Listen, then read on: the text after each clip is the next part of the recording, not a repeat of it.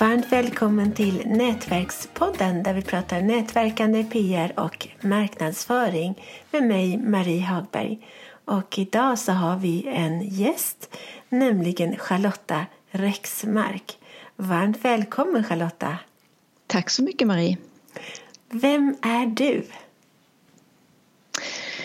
Jag är en, eh, en, en person som har letat mig fram kan man säga. Jag började som civilingenjör och trodde jag skulle jobba med det hela livet. Och sen trodde jag att jag skulle jobba som lärare hela livet. Och sen, sen eh, började jag med coaching och tänkte det här ska jag jobba med hela livet. Eh, och nu har jag insett att det blir nog inte någonting med det där med hela livet. Att jag kommer naturligtvis att jobba och göra saker som jag tycker känns viktiga hela livet men de sakerna kommer att förändras. Eh, och det handlar nog mycket om hur jag är som person. Att jag kan, liksom, jag kan aldrig sluta att lära mig för jag tycker det är så vansinnigt spännande allting. Och vill hela tiden utvecklas själv och då gör det att även mitt arbete utvecklas. Så idag kallar jag mig livsutvecklare. Och utvecklar både mitt eget liv och andras liv inom eh, personlig utveckling, mental träning, hälsa, andlighet, alltså allt det som, som utgör viktiga delar av våra liv. Vad kul! Jobbar du på heltid med det? Ja, i princip. Det är för närvarande en lite svår fråga för jag har varit eh, väldigt sjuk i ME under eh, många, många år. Eh, så att jag har startat upp allt detta egentligen under den perioden när jag var som sjukast.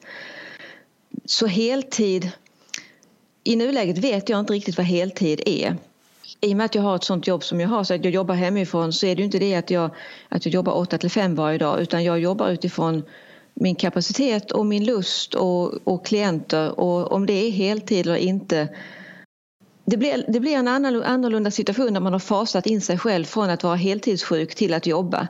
Så att jag upplever nu att jag, jag tror jag jobbar i alla fall nära heltid men om det är vad någon annan skulle anser vara heltid, det vet jag inte riktigt. Men jag, jag trivs bra där jag är. ja, men det är huvudsaken. Ja. Och du har en blogg. Vad handlar den om?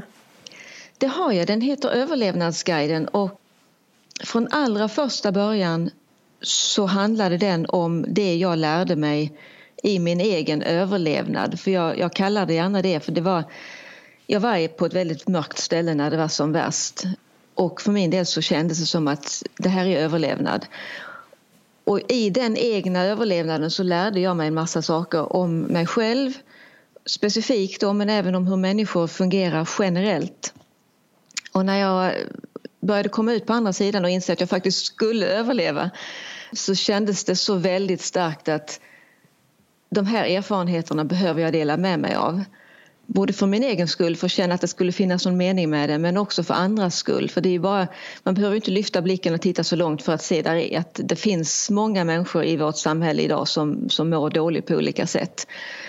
Så eh, i det mentala läge jag befann mig just då så var det självklart att bloggen skulle heta Överlevnadsguiden. Sen efterhand som jag har blivit starkare och mår bättre och friskare och så här så har ju bloggen också ändrat karaktär lite grann. Det är fortfarande överlevnadsaspekten för där är, jag möter många människor, många klienter som befinner sig i det läget när det är väldigt, väldigt svart och hopplöst. Men det är också en, en större del av ren personlig utveckling, att man kan, man kan må väldigt bra och ändå vilja utvecklas. Så att det är hela spektrat egentligen på bloggen. Ja, den verkar väldigt, eh, ja, lite, ta upp lite olika ämnen. Ja, precis. Alltså det, även det handlar ju om, om personlig utveckling, mental träning, naturlig hälsa och eh, den andliga delen av livet. Hur, hur får du inspiration till alla dina texter? Ja, det, var, det är en bra fråga. för, för vissa dagar kommer inte den inspirationen. Eh, sen andra dagar så bara, bara vräker det ner över mig en, en del är bara att jag är väldigt, väldigt tänkande människa. Alltså jag analyserar och reflekterar och tänker dagarna i ända. Så mycket att det i perioder har blivit lite överdrivet och att jag, jag medvetet får liksom lugna tankarna lite grann. Eh, men också från klienter jag, jag möter i coachingen och från eh, människor jag möter, alltså bara vänner och bekanta i min närhet. Och ibland kan det bara vara att jag, jag går på stan och så, så hör jag två personer bredvid mig som går och pratar med varandra och inte avsiktligt att jag går och lyssnar på människor naturligtvis men men ibland så hör man ju saker ändå och så bara en, en fras som kan väcka någonting i mig. Att, oh, ja men just det, det är ju jätteintressant. Eller att jag, jag läser en artikel, jag läser väldigt mycket också, eh, framförallt kanske amerikanska sidor. De är ju lite, lite före oss i den här delen av eh, alltså i den här branschen, personlig, personlig utveckling, personlig utvecklingsbranschen skulle jag försöka säga. Så att där också genom att läsa andras material och lyssna på andra människor så får jag också inspiration och tankar och idéer som jag då sen spinner iväg med på, på egen hand. Du, du verkar väldigt bra kontakt, det tycker jag är häftigt. Du verkar väldigt bra kontakt med dina läsare. Ja, det är kul. Alltså där, är, där är en del som har hängt med väldigt länge och det, även om det är personer som jag aldrig träffat så känns det verkligen som man lär känna dem. Ja. Och sen eh, är, tror jag lite grann att jag har avsiktligt försökt att ha den sortens stämning på bloggen att det ska inte vara Ehm, det ska inte vara uppstyltat eller pretentiöst eller, eller konstigt på något sätt. Det är inte så att jag sitter inne med alla svaren utan jag delar med mig av det jag kan och har erfarenhet av och sen så är, andras erfarenheter lika mycket värda. Och ofta är det ju samspel, att man tillsammans kommer fram till någonting. Det är ju det coachingen bygger på. Det är inte som att gå till en psykolog som har lösningarna utan det är att man tillsammans finner vilka trådar man ska dra vidare i och komma närmare och närmare dit man behöver komma. Så det har, eh, det har blivit det har blivit en väldigt, väldigt fin stämning på, på bloggen och det tackar jag läsarna för också för att de bidrar till det väldigt, väldigt mycket. Vad härligt! Mm. Gud så härligt. Hur länge har du haft bloggen? Jag startade den 2013 i april så det är snart femårsjubileum. Oh, Jesus vad lång tid! Jättebra! Och bloggen, det tycker jag är häftigast av allt, den ledde till att du skrev en bok. Hur kommer det sig att du skrev boken? Ja, det var lite kul för det var, det var faktiskt mina läsare som började efterfråga att ha texterna i, i bokform. Så eh, när jag hade Ja, egentligen så att det, att det blir just nu, eller då som i höstas, det, det var nog mest slumpen.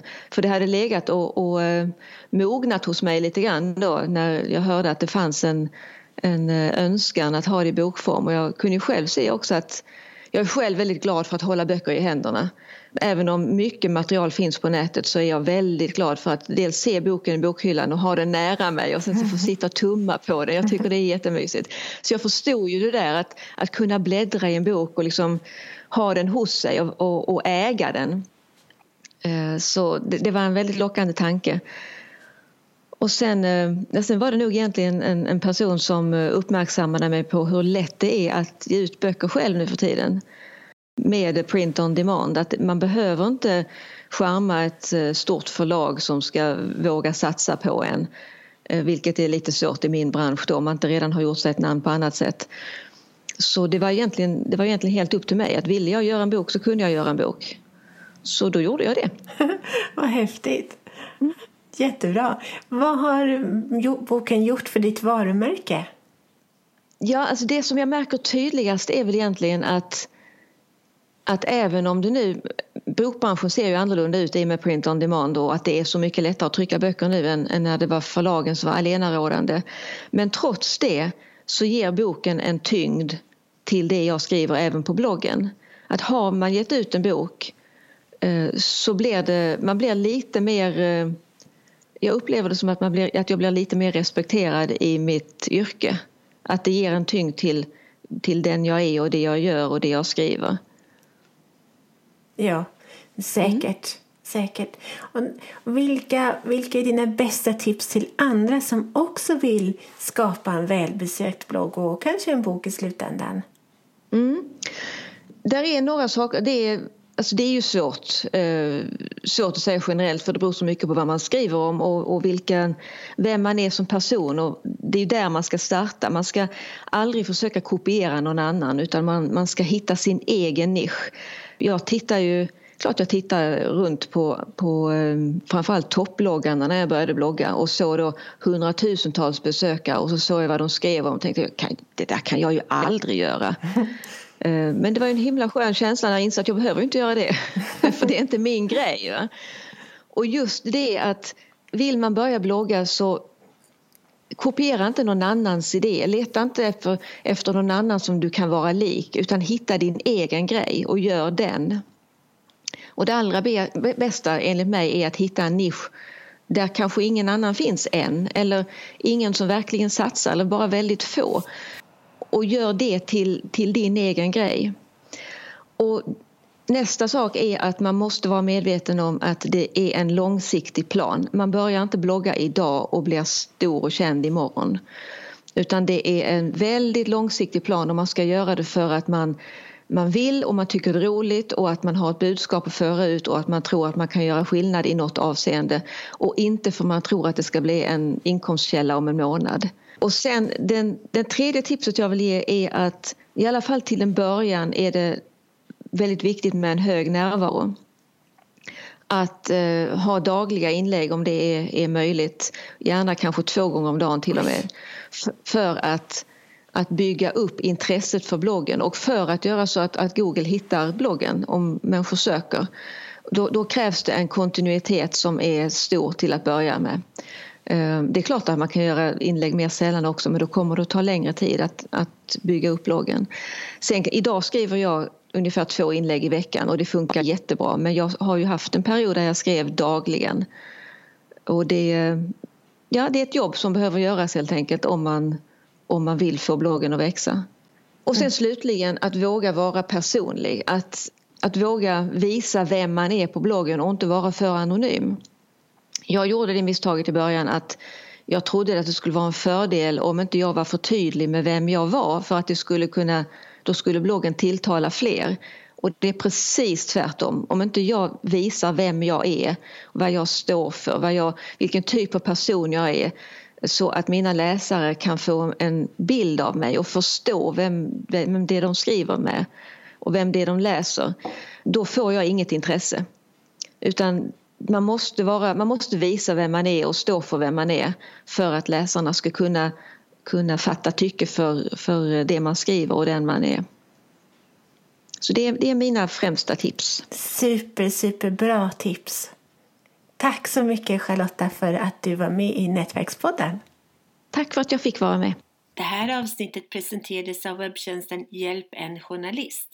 Den är till för företagare som lättare vill få värdefull publicitet i radio, tv och tidningar samt journalister som lättare vill hitta intervjupersoner till sina artiklar, radio och tv-program. För mer information gå in på www.hjälpenjournalist.nu www.hjälpenjournalist.nu Förstås utan prickar på ät. Varmt välkommen!